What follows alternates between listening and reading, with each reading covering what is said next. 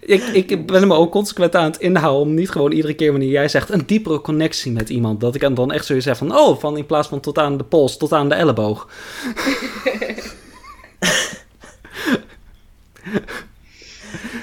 hey, schat, Ja. hey, schat, heb je zin in seks vanavond? Ja, laten we de Muppet Show nadoen. Tot aan de elleboog! Hoi, ik ben Elliot en ik ben queer. En ik ben Eva, ik ben aseksueel. Ik ben Rosa en ik ben te gast. En dit is onze podcast waarin we praten over alles dat met queer en pride te maken heeft. Welkom, bij Pride Praat.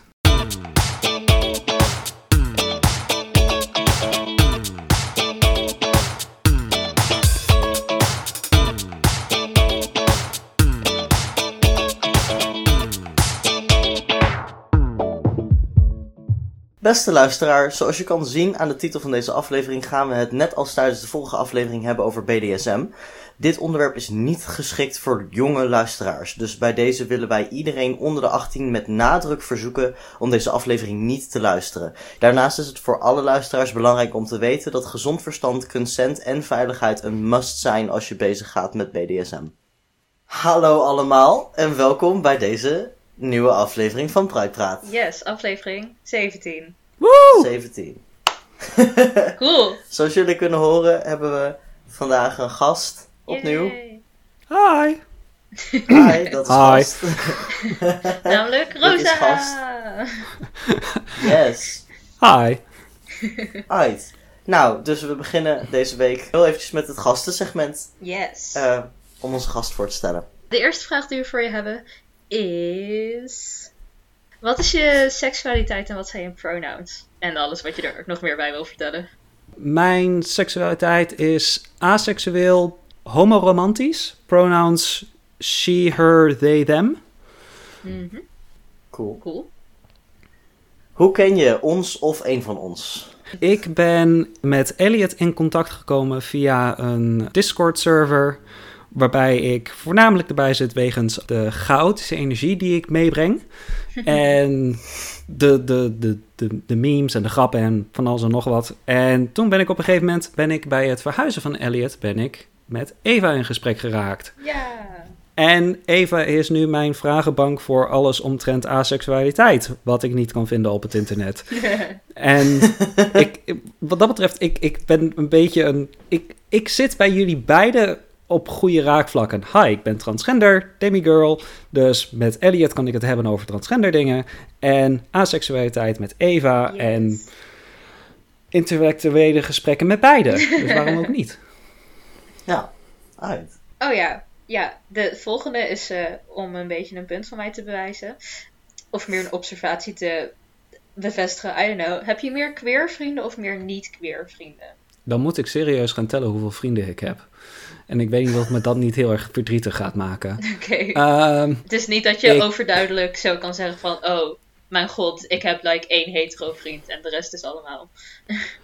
het, het, Zoals ik. in, in, een- in een general sense boeit het me niet of mijn vrienden queer of niet queer zijn. Ik denk dat ik wel meer queer vrienden heb, maar dat heeft er ook meer mee te maken in wat voor een kringen ik momenteel eh, aan het bewegen ben.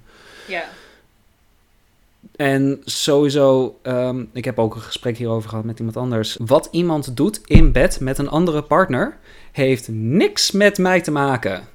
Dus dan boeit het mij ook niet, dus dan ga ik er ook niet naar vragen. Nee, ja, dat is fair. Dat is...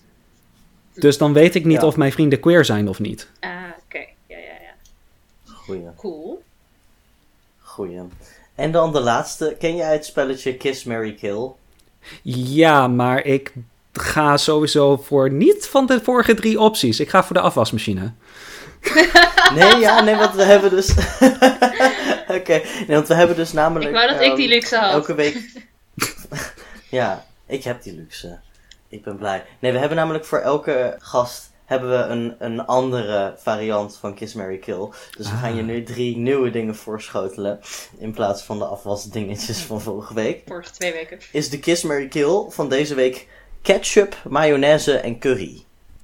F- Fuck mayonaise, want dat is een goede lubricant. Eh, Oh my god, we hebben Kiss, Mary, Kill, maar dat is sure. Ik word hier vrolijk van. Dankjewel. Oké, ki- kiss mayonaise, want dat is een goede lubricant. Mary, Mary ketchup, want je kunt zelf curry maken als je ketchup met kruiden doet. Dus kill de curry. Elliot kijkt heel raar. Ik- ja, sorry, ik kan me niet voorstellen een wereld waarin iemand ketchup zou willen marryen. Mary, like, nee, ik, ketchup is mijn kill ding. Ik haat ketchup, Wa- ik vind het echt vies. Ja, dus ik kill ketchup. Sorry dat ik jullie hiermee choqueer. Holy shit. Ja. Ehm, oh god, gadver. Wat? Sinds wanneer hou jij niet van ketchup? Nee, ik heb nooit van ketchup gehouden. Ik vind curry daarentegen wel lekker. Dus ik marry de curry. Omdat curry is gewoon goede shit. En dan eh, kiss ik de mayonaise. Want ik vind mayo lekker, maar er zit ei in en ik eet geen ei. Nou ja. Dus als ik mayo eet, like, ik eet wel ei af en toe als het verwerkt zit in iets soms. Maar dan zeggen mijn darmen... Damn. En dat Dit ga je ruiken. boven ketchup. Ik vind ketchup niet lekker smaken. Ik vind het echt niet lekker smaken. Ik had van de week hier een gesprek over met mijn huisgenootje en zij begreep me wel. Oké dan. Begin maar een podcast met je huisgenoten. Nee. ehm, Welkom bij Condiment Talk. Eh Eve, wat, eh, wat doe jij? ja, kijk. Ik hou heel veel van curry. Met heel mijn hart. Maar ik kan me ook niet voorstellen om in een wereld te leven zonder ketchup en mayo. Dus, en aangezien wat Rosa zei klopt en dat je curry kan maken van ketchup met kruiden, ga ik denk ik toch mijn curry killen. En ik zou ook Mary ketchup doen en kiss mayo, want ketchup is gewoon heel erg lekker. Ja, ik ben het gewoon helemaal met elkaar eens. Oké, Ik, ik, ik, ik ik, zie hoe het is. oh, Elliot is in de minderheid. Ja, het zal ook eens niet hè, dat mijn voedselvoorkeuren worden gewaardeerd. Nee, oké, grapje, sorry. Ouch. Liefde, we accepteren iedereen op basis van hun voorkeuren. Het maakt niet uit waarmee je, waarmee je zoent. Zolang je maar genoeg mayonaise gebruikt. Mhm. Deze week gaan we het weer hebben over BDSM. Yes. Maar dan in het bijzonder BDSM en LGBTQIA+. Thingamajig. ja, Alphabet Mafia. precies, Ja. precies. Ja, en daarvoor hebben we Rosa er ook bij gehaald, want Rosa is ace. En BDSM wordt altijd heel erg met seks geassocieerd. Voor, voor, voor mijn gevoel vooral door mensen die zelf niet in de BDSM community zitten. En dat, dat is dus een beetje het ding. Als je. ehm, ik, heb het hier, ik heb het hier vaker met Elliot over gehad. En, met heel veel andere mensen. Een heel groot stuk van hoe de general populace. Like, like Jan Alleman en Jolinde Alleman. Kijken naar BDSM is heel erg met wat ze hebben meegekregen vanuit popculture osmosis. Fifty Shades of Grey, de villains in verschillende films en series die je voorbij ziet komen. Oh nee, CSI en de persoon is kwaadaardig en de moordenaar, dus die doet BDSM en Oh. dit is een fikkel, dit is een agressiepuntje voor mij, maar daar gaan we het niet over hebben. Dus een heel groot stuk wat er aan zit is inderdaad dat mensen inherent denken dat vanuit het basisprincipe dat bijna iedereen denkt van oké, je bent in een relatie, dus je hebt seks, Mm, zit ook mhm. iedereen vanuit zo'n aspect te kijken naar oké, je hebt een intense sessie met iemand, dus daar komen heel veel emoties bij vrij, dus daaruit voortkomt seks Mhm. het was mij ook pas sinds dat ik realiseerde dat ik aseksueel ben, dat voor mij het kwartje ging vallen van, oh, BDSM hoeft niet altijd seksueel getint te zijn. Ja, BDSM en LGBTQIA+. Ik geloof dat ik nu alle letters in de goede volgorde heb staan. Ja, Mhm. Brand los. Wat voor een vraag hebben jullie er specifiek over? Kennis, kennisbank staat open. Niet dat ik heel veel kennis erover heb. nou, Maar meer dan ik in elk geval. Vast ook meer dan El. Weet ik niet. Qua aseksualiteit wel, Ja. gok ik.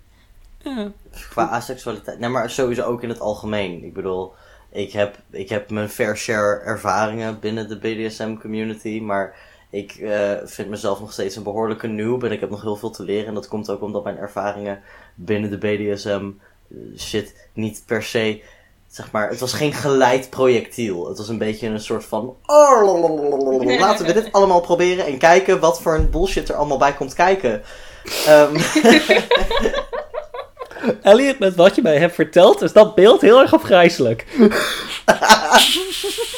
Alsjeblieft. Graag gedaan hiervoor. Um, om een, een, een goed voorbeeld te zetten over waarom BDSM en seksuele acts die erbij horen niet altijd aan elkaar gekoppeld zijn.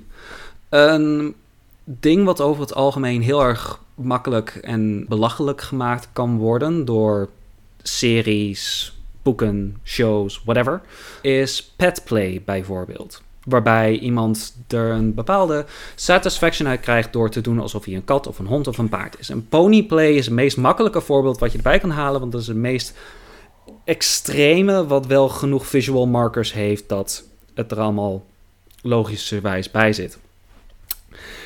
Maar op het moment in en of itself is het niet seksueel. Wat BDSM voornamelijk is, is het najagen van good vibes en goede hersenstofjes.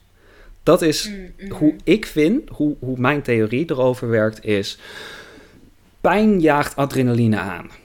Je lichaam ervaart pijn, dus het maakt adrenaline aan. En dit is dezelfde reden waarom je basejumpers en binge jumpers en racers hebt en dat soort dingen. Die jagen allemaal de adrenaline high aan. Hetzelfde heb je dus ook met op het moment dat je actief pijn gaat opzoeken. Je lichaam maakt stofjes aan die daardoor fight of flight en dat soort dingen daarop gaan reageren. En dat is de high waar mensen achteraan zitten.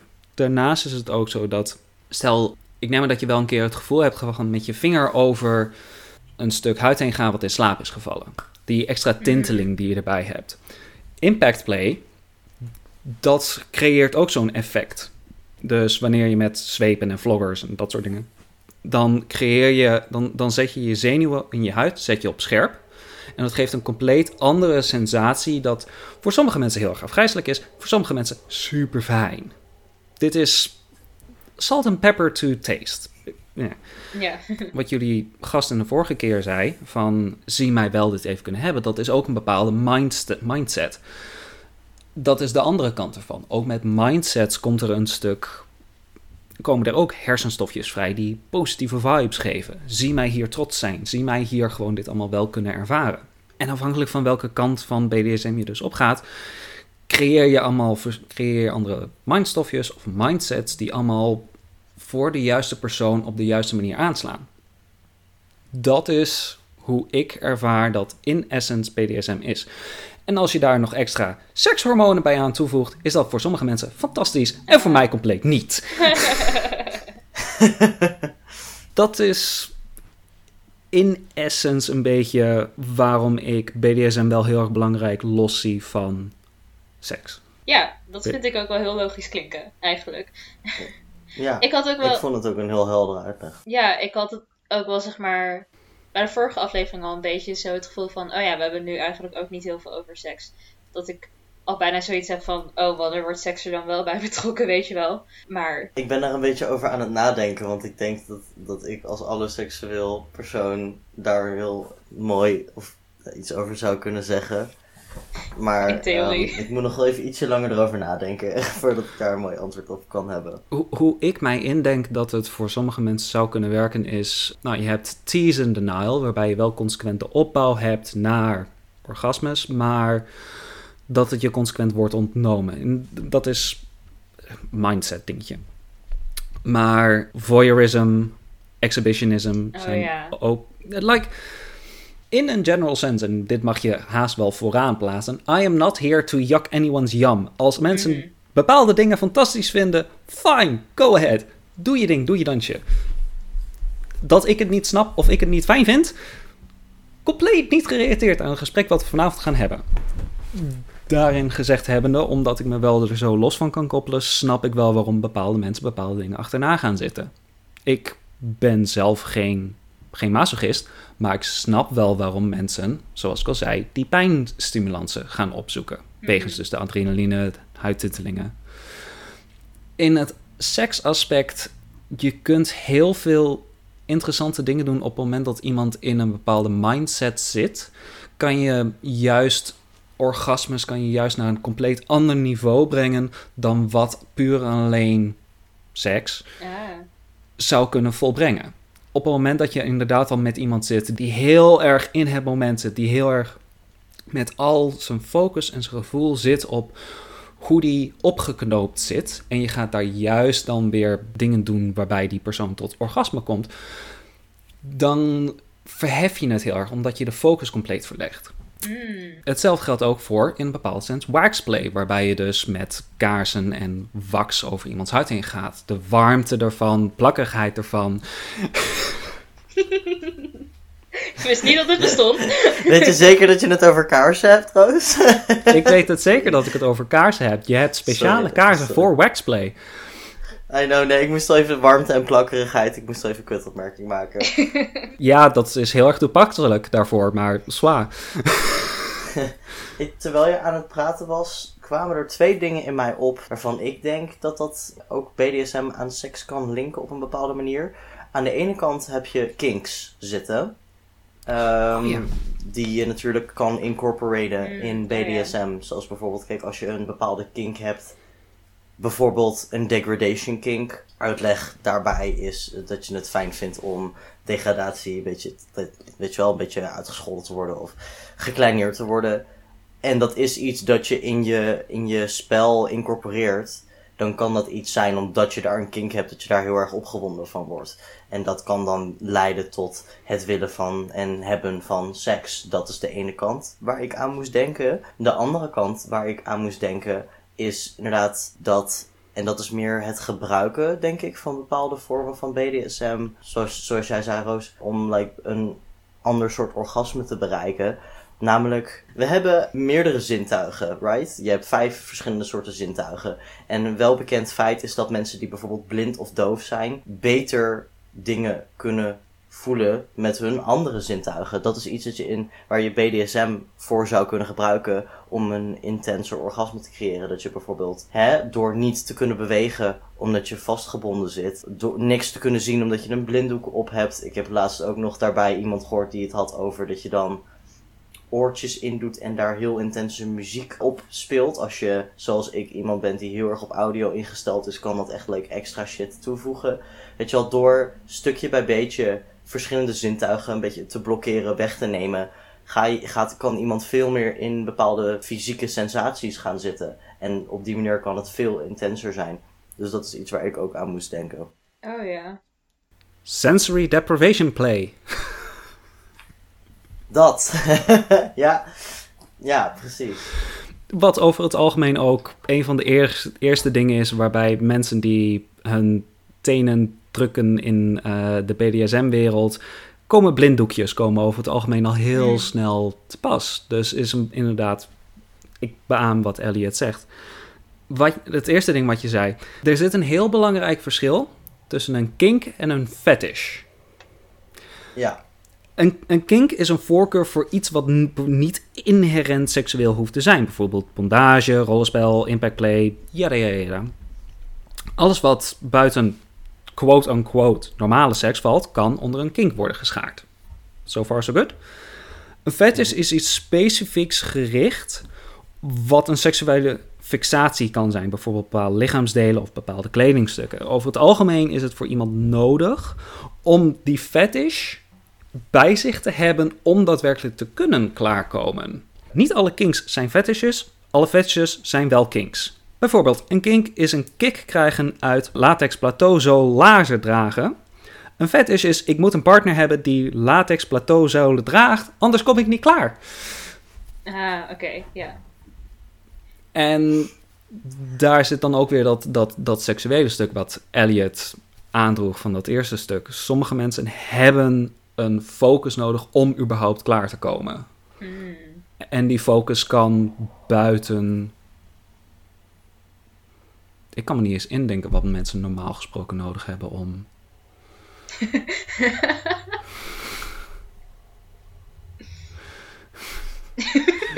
nope.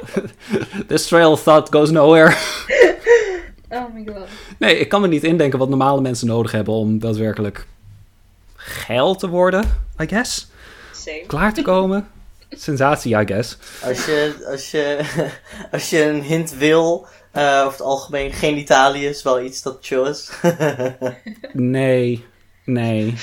Is niet chill. nee, nee, voor jou niet, nee. BDSM porno, wat dat betreft, is ook heel erg. Daar, daar zit ook altijd een seksueel aspect in. Daar is het altijd van: oké, we, we, we hebben het hier. We zetten een bepaald scenario op. En uiteindelijk devolft dat weer richting gewoon. Things going in. dingen die in andere dingen gaan. Maar is dat niet ook gewoon omdat het porno is? En dat dat best wel het idee is van porno? Of.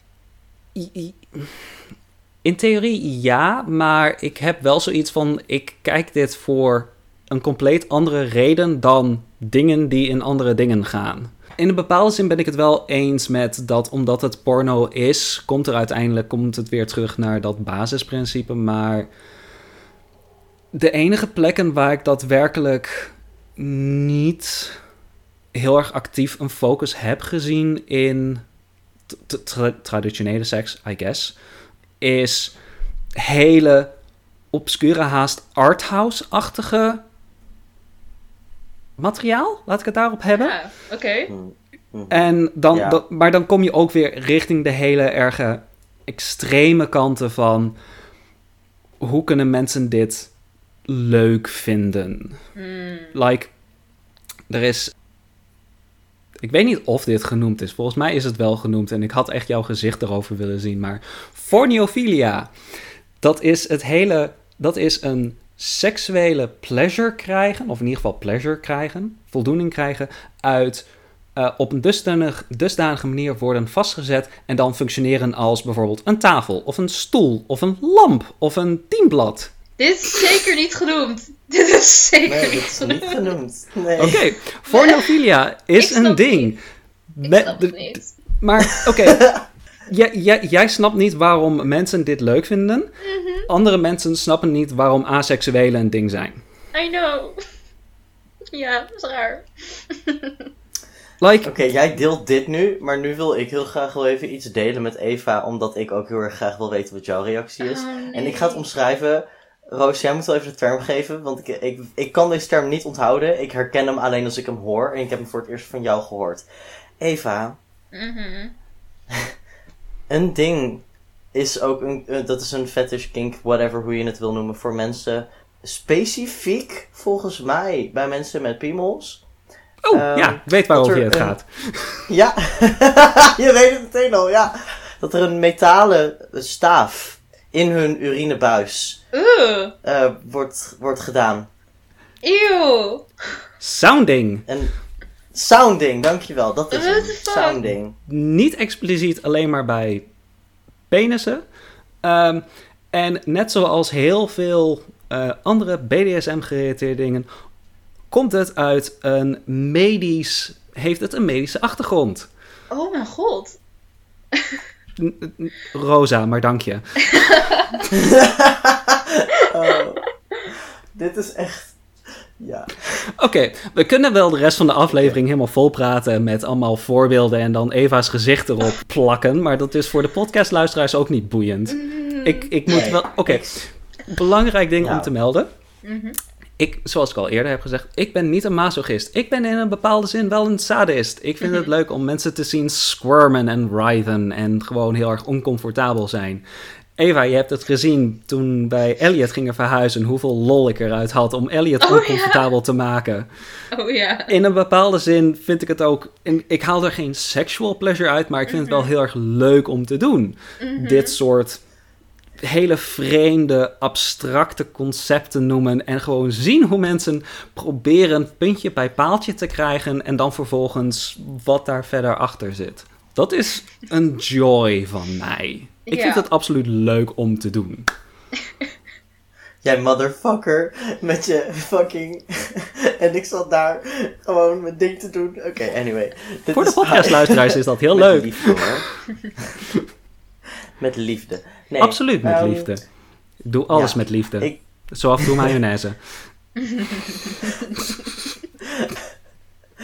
Oké, ik zat dus te denken, Ja. Misschien kunnen we het nu, want we hebben nu wat, wat mooi, het fijn wat meer gehad over hoe BDSM wel en niet gekoppeld kan zijn aan seks. Mhm. Ehm, ik zat te denken, tijd misschien om de queer community er wat meer bij te halen. Ja, inderdaad. Willen wij een vraag stellen aan Ja. Willen wij een vraag stellen? Je had iets moois over, dat zag ik voorbij komen, over transgender, crossdressen, iets, dat- zo, dat soort... Er, er zijn een aantal aspecten hieraan die belangrijk zijn om te melden. Ten eerste, ehm, de BDSM-community heeft in het begin heel veel positieve energie gekregen vanuit de op dat moment alleen nog voornamelijk homo-community. Mhm. Daar is een heel interessant stuk geschiedenis over te vinden omtrent De eh, AIDS-crisis de. Er zijn fundraisers gedaan door BDSM-clubs, waarbij dus mensen allemaal samenkomen en allemaal kinky shit doen. Die komen allemaal bijeen, die hebben fundraisers gedaan voor mensen met AIDS. Om eventueel te helpen met medicijnen en trials krijgen, dat soort dingen. Daarnaast is er ook een bepaalde verbondenheid binnengevonden met... oké, we worden toch al door de normale samenleving bevonden als vreemd en weird. Mhm. Wij vinden wel ons heil met mensen die veel vreemdere en interessantere dingen doen. Dus er is vanuit de historie gezien was er ook al heel veel. Er is een verbindenis geweest binnen BDSM en LGBTQIA. Ja. De BDSM-community geeft over het algemeen vrij weinig problemen omtrent wat voor een gender je bent of hoe je je graag zou willen kleden of hoe je je wilt representeren. Want als mensen zich graag willen kleden als vrouw, maar ze zijn als man geboren, er gebeuren, in, er gebeuren vreemdere dingen binnen die wereld. Zoals pornofilia en sounding en rainbow play. Oftewel met bodily functions. Plas, poep, dat soort dingen. Like, Oh mijn god. Geen judgment. geen judgment. Het feit dat dan iemand zich anders wil kleden, dat maakt toch niet heel veel uit. En latex heeft heel veel applicaties, om maar zo te zeggen. Er zijn heel veel verschillende soorten aan kledingen, kledingstukken die je kunt dragen. En eh, voordat er in de breedste zin wat meer acceptatie of in ieder geval erkenning was over dat transgenders bestaan en homo's en lesbiennes zich wat meer androgyn konden kleden, was er ook een fetish genaamd crossdressing, waarbij je op een consente manier wordt geforceerd om dingen te dragen die niet passen bij het gender wat je hoort, wat je waarin je je graag zou willen representeren. Volgens mij klopt die zin. Klinkt dat enigszins logisch? Ja. Wil je een concreet voorbeeld? Sure. Een gemakkelijk belachelijk gemaakt beeld wat over het algemeen werd gedaan is een hele erge macho man die dan vervolgens als straf wordt eh, geforceerd om het huis schoon te maken verkleed als een in een sen- sexy French maid outfit. Zo'n zo'n zo'n zwart-wit rokje met dat gewoon echt veel te hoog is met, met, Mhm. met panties aan en dan heel erg klodderig aangebrachte make-up. Dit is Oh, legit een dit kan een kink zijn, dit kan een fetish zijn. En omdat het zo is, weet je, je hebt sowieso een gesprek met je, met je speelpartner over wat vind ik fijn, wat vind ik niet fijn, wat wil ik verkennen, wat wil ik niet verkennen. En op die manier, is- wat ik ook een beetje heb gemerkt, is dat binnen de BDSM community, dat mensen ook zich veel sneller kunnen realiseren van, oh, het gender waarin ik geboren ben, is niet het gender wat daadwerkelijk voor mij past. Omdat ze dan inderdaad zoiets hebben van... oh, het lijkt me heel erg leuk om een jurk aan te dragen. Laten we dat gaan verkennen. En dan de realisatie van... oh, daar zit iets meer achter dan alleen seksuele gratification. Ik bedoel, bij bij de vorige aflevering is polyamorie is ook al gemeld. En dat is ook buiten het normale plaatje. En hoewel polyamorie niet onder de eh, klassieke zin valt... onder de LGBTQIA+, is het wel een onderdeel van. Omdat met polyamorie is het ook een stuk gemakkelijker om te verkennen wat je wel en niet fijn vindt. Op meer manieren dan alleen waar krijg ik seksuele plezier uit. Aseksualiteit is ook iets wat veel sneller geaccepteerd wordt binnen een BDSM community. Er is een, een hele fetish community voor, genaamd chastity. Kuis? Kuisheid? I guess? Ik probeer even de Nederlandse woorden voor te vinden, maar je, Ja, weet, je weet wat ik... Ja, waarbij mensen daadwerkelijk seksuele voldoening en genot wordt ontnomen door kruisgordels. Nee, kuisgordels. En dat soort dingen te dragen. Dat is een interessant stukje community waarbij ik een beetje mixed feelings over heb. En in het geval van transgenders, transgenders worden naar mijn ervaring niet vreemd aangekeken of behandeld. Ik bedoel, dingen als vertrouwen, consent en communicatie zijn over het algemeen belangrijker dan wat voor een gender je speelpartner is. Ja. Ik bedoel, dat is ook al in de vorige aflevering goed te woord gekomen. Als een persoon een masochist is en iemand anders die weet precies hoe die juiste knoppen kan slaan, wat maakt het dan uit wat voor een gender ze zijn? Ja. Ja. Ik denk ook omdat het niet per se inherent aan seksualiteit gekoppeld is. Omdat BDSM en seks ook, hè, dat, ze bestaan naast elkaar. Ja. Dus ook als je bijvoorbeeld je niet seksueel aangetrokken voelt tot een bepaald gender, omdat BDSM niet seks Oh, ja. is, kan je gewoon een speelpartner hebben van dat gender en dat maakt niet uit. Ja. Sterker nog, in mijn persoonlijke ervaring heb ik ook BDSM-dingen gedaan met vrienden van mij. En dat is niet, hè, dat, dat is compleet losgekoppeld van seks. Dat is nooit iets geweest van, oh, ik ben nu zo geil. lalalala. Het was meer een gewoon, ja, ik heb nu even zin hierin. Dus laten we samen dit een beetje verkennen. En gewoon een beetje kloten en spelen, want dat is leuk. Waarom niet? En daarnaast, ik als aseksueel heb ook zoiets van. Ik heb een Reddit-thread, geloof ik, eh, erover gezien met. Nee, eh, een video van Evie Lupine. Ja, Evie Lupine. Dat is een aseksueel die echt heel erg diep gaat over bepaalde BDSM-aspecten. Een van de punishments. Je hebt punishments, dus echt daadwerkelijk slaan, et cetera. Een van de punishments is ook orgasm, torture en denial, waarbij Denial, dat heb ik al gezegd. Dat is van, oké, je wilt nu klaarkomen, dat mag niet. Orgasm torture is, hi, voor de komende drie uur gaan we je alleen maar laten klaarkomen. Have fun. Dat klinkt niet zo erg, totdat het ongeveer uur twee is en je overal kramp hebt en je heel erg bezweet bent en eigenlijk wel heel graag een douche wilt hebben. En dat waren punishments, zei je? Het idee van punishment punishment is heel erg dus inherent met domin dominance en submissive.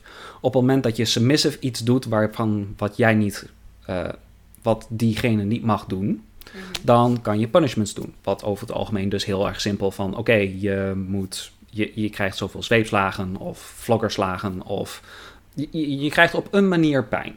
Dat is een punishment. Of je wordt op een andere manier. Chastity is ook een, een goed voorbeeld hiervan.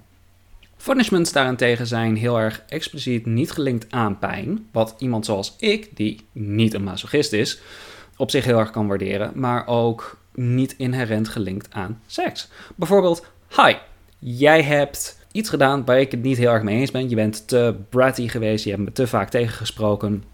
Safe, safe sane, consensual, alles binnen de perken. Ja. Jij mag nu voor een uur lang mag je een euro tegen de muur aanhouden met alleen maar je neus. Terwijl ik allemaal flauwe grappen aan het vertellen ben en jij absoluut niet moet lachen. Vind ik heel leuk om te doen. Ja. Ehm, andere vormen van punishment zijn dus ook, wat ik al eerder heb gezegd, de, de cross-dressing wat dat betreft. Het, Oh, het ja, feit van, ja. oké, als je je oncomfortabel erin voelt, dan is dit een correcte en gepaste vorm van punishment uitleveren, zonder dat we daadwerkelijk dingen oncomfortabel maken of dingen niet fijn maken. Je voelt je wel oncomfortabel erbij, maar het is niet intens. Andere punishment is dus ook bijvoorbeeld orgasm torture, zoals ik al zei. We gaan de. We do certain things waardoor je drie uur lang alleen maar hele goede vibes krijgt. En dat je na uur één al zoiets hebt van: ik wil graag dat het ophoudt. Nee, je moet nog twee uur door. Anders heb je je les niet geleerd. Ja. Ik ben wel heel erg benieuwd overigens naar nu ik al deze informatie. Oké, Elliot, jij bent bekend met de BDSM-wereld. Dit is allemaal misschien niet allemaal nieuwe informatie, maar your frame of jouw, jouw mindset is vervormd genoeg dat je snapt waar ik het allemaal over heb en dat je je op zich wel in kan plaatsen.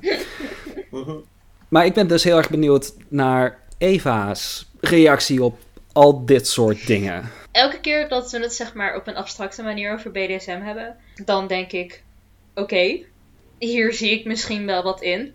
Maar dan elke fucking keer dat er voorbeelden worden genoemd, zit ik echt van: nee, ik snap het niet. Ik snap niet waarom dit leuk is. En dat is ook precies de vraag die ik vorige week heb gesteld en waar ik antwoord op heb gekregen. Maar ik heb nog steeds, als ik dit soort dingen hoor, van: oh mijn god, waarom? En de, ik wil wel even duidelijk maken dat ik mensen totaal niet judge die dit doen. Do whatever the fuck you want. Maar ik kan mezelf er heel slecht in verplaatsen waarom je dit zou doen. in, in, in mijn geval al fuck no one.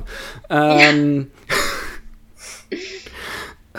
om, om het weer helemaal terug te halen naar het begin. Omdat je een bepaald gevoel, een bepaalde mindset, een bepaald iets hebt ervaren wat heel veel. Wat goed voelde, wat een positieve mindset gaf, op wat voor manier dan ook. Als het een vorm van detachment is naar de huidige situatie, kijk totaal niet naar de huidige situatie van de wereld, maar alsnog, als het een bepaalde vorm van detachment en loskoppelen van dat alles is, of het, het, het, het, het, het fijne gevoel wanneer je bijvoorbeeld een trui hebt die echt gewoon heel erg comfortabel zit en die echt gewoon op alle manieren je precies goed warm, warm maakt en goed om, omhelst en dat soort dingen. Dat gevoel, maar dan in een compleet andere context, is waarom mensen dit doen. Ja. Het is. Ik vind het wel. Jij, jij noemt een bepaald soort detachment van hè, het huidige klimaat en dat soort shit. Maar er zit ook een kantje aan met juist het tegenovergestelde daarvan, toch? Als je gaat kijken meer naar Tantra. Ik weet niet hoeveel jij daarvan kent. Helemaal niks, want voor zover ik weet is Tantra heel erg gelinkt richting seks. En wat wil ik niet? Ja, nee, oké. want ik vind dat dus heel interessant. Dit wil ik wel even noemen. Want Tantra is dus een vorm van BDSM waar ik echt voor zolang als ik me kan herinneren altijd zoiets heb gehad van dat is dus echt, wat fuck, niks voor mij. Hoef ik niet meer te kijken. Tantra is heel erg gekoppeld aan spiritualiteit op een Oh, bepaalde manier. Oké. En ik had gewoon zoiets van, ik snap niet hoe je dat, like, het is inderdaad, het is, om het heel erg beknopt te zeggen, tantra is een, ehm, is spirituele seks. En ik had zoiets van, ik, waarom zou je dat in godsnaam willen? Tot recentelijk, want toen ineens kreeg ik ervaringen in mijn leven waarin ik zoiets had van, ait, ik wil dit proberen. Ik sta hier helemaal voor open, omdat ik een heel mooie, diepe eh, connectie met iemand heb gevormd. Wat heel veel, like, het gaat veel dieper dan ik had verwacht. En het voelt heel spiritueel voor ons beiden. En toen kwam ik met het idee van, right, eh, even kijken wat Tantra hierbij doet of zo. Dus toen ging ik een beetje zelf research doen naar Tantra. En iets wat ik zelf heel interessant vind, is dat dus naakt zijn en penetratie voor Tantra-seks geen must is. Het is in die zin niet seks zoals je dat zou denken op het moment dat je hoort seks, dat je denkt penetratie of, of, of weet je wel, oraal of whatever. En dat vind, ik, dat vind ik echt heel interessant. Dus dat wilde ik even noemen, omdat het toch ook wel, weet je wel, like, op die manier gelinkt kan worden aan aseksualiteit, I guess. Is het dan wel zo met Tantra dat je wel een orgasme najaagt? En Ehm. dit, dit kan een fysieke orgasme zijn, dit kan een mentale orgasme zijn. Ik weet niet hoe een mentale orgasme eruit ziet, behalve het feit dat het bij mij dan uit mijn neus komt.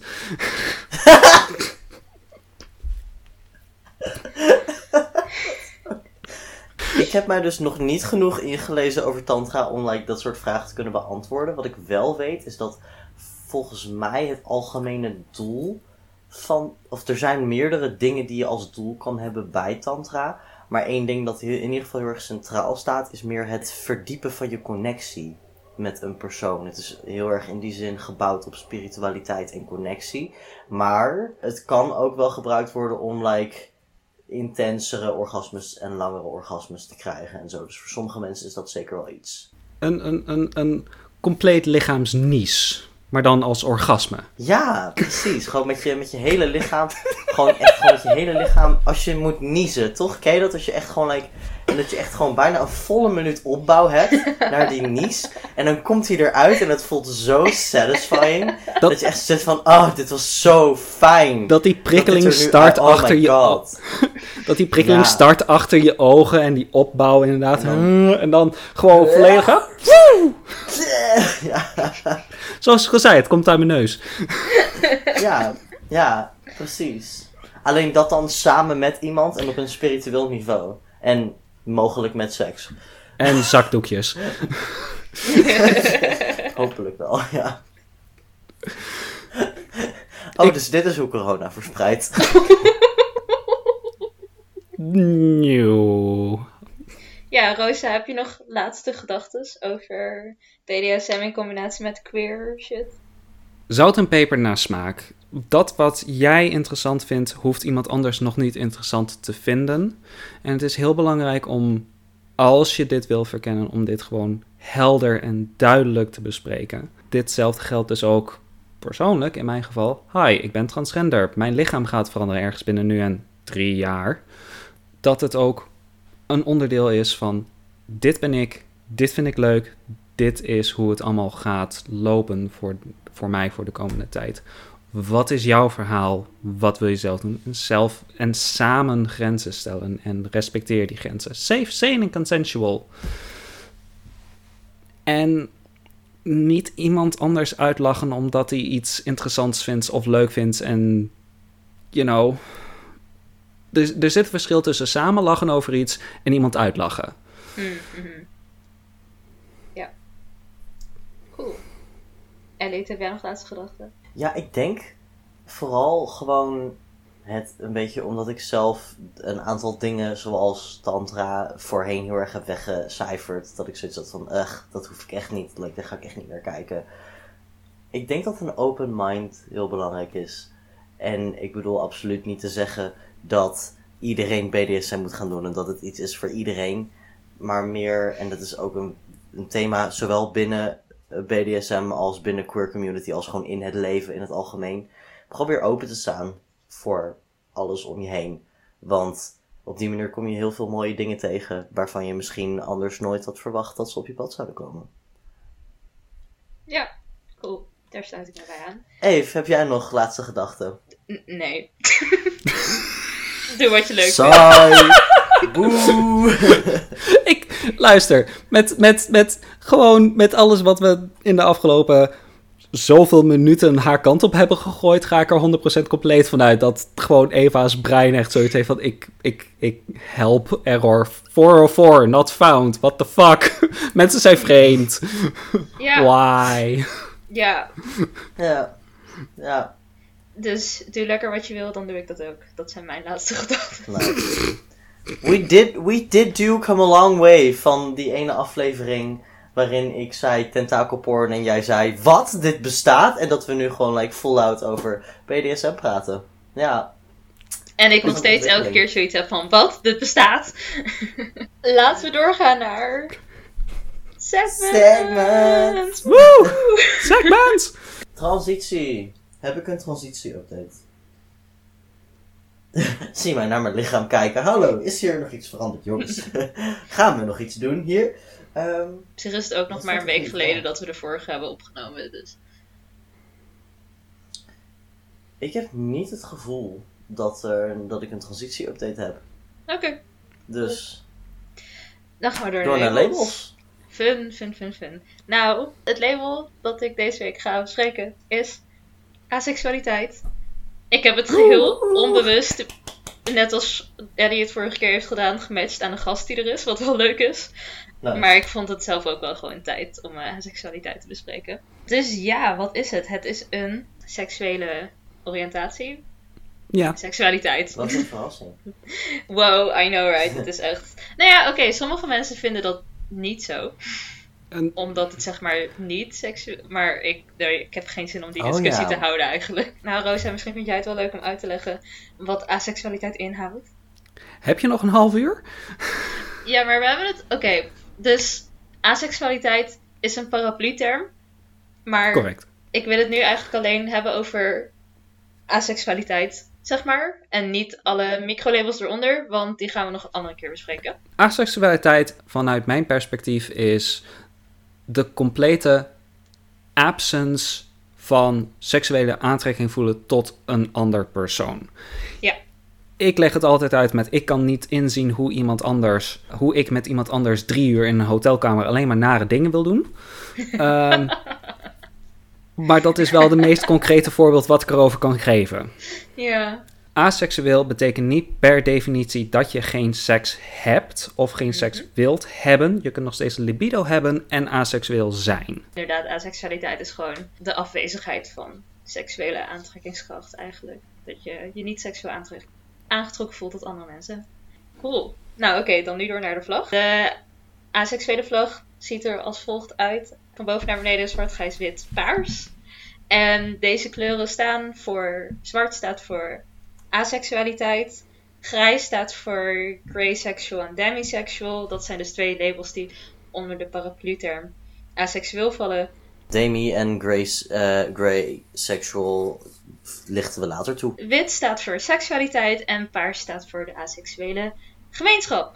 Ja, cool, dat was labels. Nice, cool. Dan gaan we door naar Queer History feitje. yes. Vandaag tijdens Queer History feitje ga ik het hebben over Christine Jorgensen. Christine Jorgensen was de eerste beroemde transvrouw in de Verenigde Staten. 100 jaar geleden, in de jaren 20 van de vorige eeuw, weigerden doktoren om geslachtsveranderende operaties uit te voeren op mensen, tenzij die mensen konden bewijzen dat ze intersex waren. Het transgender wordt nog steeds onder hetzelfde label als homoseksueel geschaard in deze tijd. Oh, Oké, oh ja. Eh, dit veranderde deels door Christine Jorgensen, de eerste persoon die in de Verenigde Staten erom bekend stond dat zij gender confirmation of een genderconformatieoperatie heeft gehad. In Europa was het uiteraard anders rond die tijd. Daar was Dora Richter de eerste transvrouw die een transitieoperatie onderging in de kliniek van de Dr. Hirschfeld, waar wij het in aflevering 11 en 12 over hebben gehad. In de jaren 30 was er een piek in transgenderoperaties in zijn kliniek na de zichtbaarheid gecreëerd door Lily Elbe uit Denemarken. In 1952 kwam het verhaal van Christine Jorgensen uit voor het publiek in de New York Daily News. Dat is een tijdschrift of een nieuwsblad. Uh, Jorgensen wilde aanvankelijk een rustig en privé leven leiden, maar realiseerde zich al snel dat de enige manier om geld te verdienen was door publiekelijk op te treden met haar trans zijn. Ze begon met eh, het optreden in nachtclubs en theaters en haar shows werden door het hele land uitverkocht. En haar memoir Christine Jorgensen, A Personal Autobiography, verkocht bijna 450.000 kopieën. In deze tijd ontstond er een grote rift tussen transseksualiteit en homoseksualiteit. Transseksualiteit is hierbij een vervangende term voor transgender. De opkomende legitimiteit van transindividuen werd mede tot stand gebracht door de scheiding tussen transvrouwen en gender-nonconforme mensen. Eh, doktoren gaven transvrouwen identiteitscertificaten. Mochten ze opgepakt worden voor crossdressen, wat in die tijd gecriminaliseerd was in de Verenigde Staten. Dus als je dan opgepakt werd, kon je laten zien: nee, kijk, ik ben transvrouw, fuck you, ik eh, mag dit doen. Ondanks dat ze door de media gesensationaliseerd werd als een mannelijke soldaat die veranderd was in een soort blonde bombshell, had Jorgensen zelf een andere, minder simpele narratie van haar genderidentiteit. Zij nam het standpunt aan dat mensen niet man of vrouw zijn, maar dat er vele variaties tussen zitten. Ze noemde zichzelf slechts meer vrouw dan man. Het idee dat alle mensen zowel man als vrouw in zich hebben, was een van haar belangrijkste standpunten waar ze het over had tijdens interviews en in haar schrijfwerken. Christine Jorgensens zichtbaarheid was doorslaggevend voor het aannemen van de term transseksueel voor Noord-Amerikaanse doktoren, die eindelijk ook de onderzoeken naar trans zijn uit Europa begonnen over te nemen. Christine heeft met haar gepassioneerde lezingen de opinie van de mensen over transgender individuen significant veranderd. Cool. Ja, dat was het Queer History feitje. Nou, top. Even ben jij nog uit de kast gekomen? N- nee. Oké. Ja, sorry, een beetje saai. nou, het wordt maar eens eh, tijd dat je dat weer gaat doen, Eve. Ja, Hè, we zitten hier nu al weken met deze cliffhanger van, eh, van je drie grote coming-outs. Rosa, heb jij nog dingen die je wil zeggen tegen ons publiek? like, dat, dat is wel een beetje een punt van wees open-minded. En dat is ook een beetje waarom ik zei van als iemand inderdaad confide met hi, ik ben dit of ik heb een interesse in dat. Het is oké om er mee te lachen. Het is ook goed om te weten waar de grens ligt tussen oké, je maakt er een opmerking over en je bezeert iemand hiermee. Wees open, wees vriendelijk en vooral in deze tijd, iedereen mag er zijn. Maakt niet uit hoe Mhm. vreemd of hoe interessant of hoe kinky. ja, Mooi gezegd. yes, dankjewel. En heel erg bedankt dat je er wilde zijn bij deze aflevering. Ja, het was Ik, heel eh, leuk om je te gast te hebben. Ik heb heel veel van je geleerd. Yay! Heel erg bedankt voor het luisteren naar deze aflevering van Yes. Vrijpraat. We hopen dat jullie het leuk vonden. Heb je nou nog iets dat je met ons wilt delen? Een, een brief wil schrijven? Foto's van je planten? naar, Oh. on- naar ons wilt sturen. Stuur foto's Ehm, van je planten. Serieus, like, of je dieren, als je iets Oh hebt, my of god, je, ja. weet ik veel, je fanart. Nee, mensen maken geen fanart. Dit is Foto's van je planten, of je dieren, of je boekenverzameling, of iets dat je graag met ons wilt delen. Ideeën voor segments of onderwerpen waar je ons graag over wilt horen praten. Stuur dan een mailtje naar bruidpraatpot.gmail.com. Of een Instagram DM, @bruidpraatpot. Yes. Vind je onze podcast nou echt super top en wil je ons graag helpen om te groeien? Een goede manier om dat te doen is eh, door bijvoorbeeld te delen met je vrienden. Yes, en een andere manier is om wat reviews te geven. Eh, in ons geval kan dat alleen op Apple Podcasts, maar mocht je een Apple-apparaat hebben, doe dat dan vooral. En volgens mij heeft iemand ons 5 sterren gegeven, dus yo, thanks persoon die ons 5 sterren heeft Super, gegeven. dankjewel. Ik Echt stel het heel erg op prijs. fantastisch. Ja, en tot de volgende keer. Yes, tot over twee weken. Doei! Doei!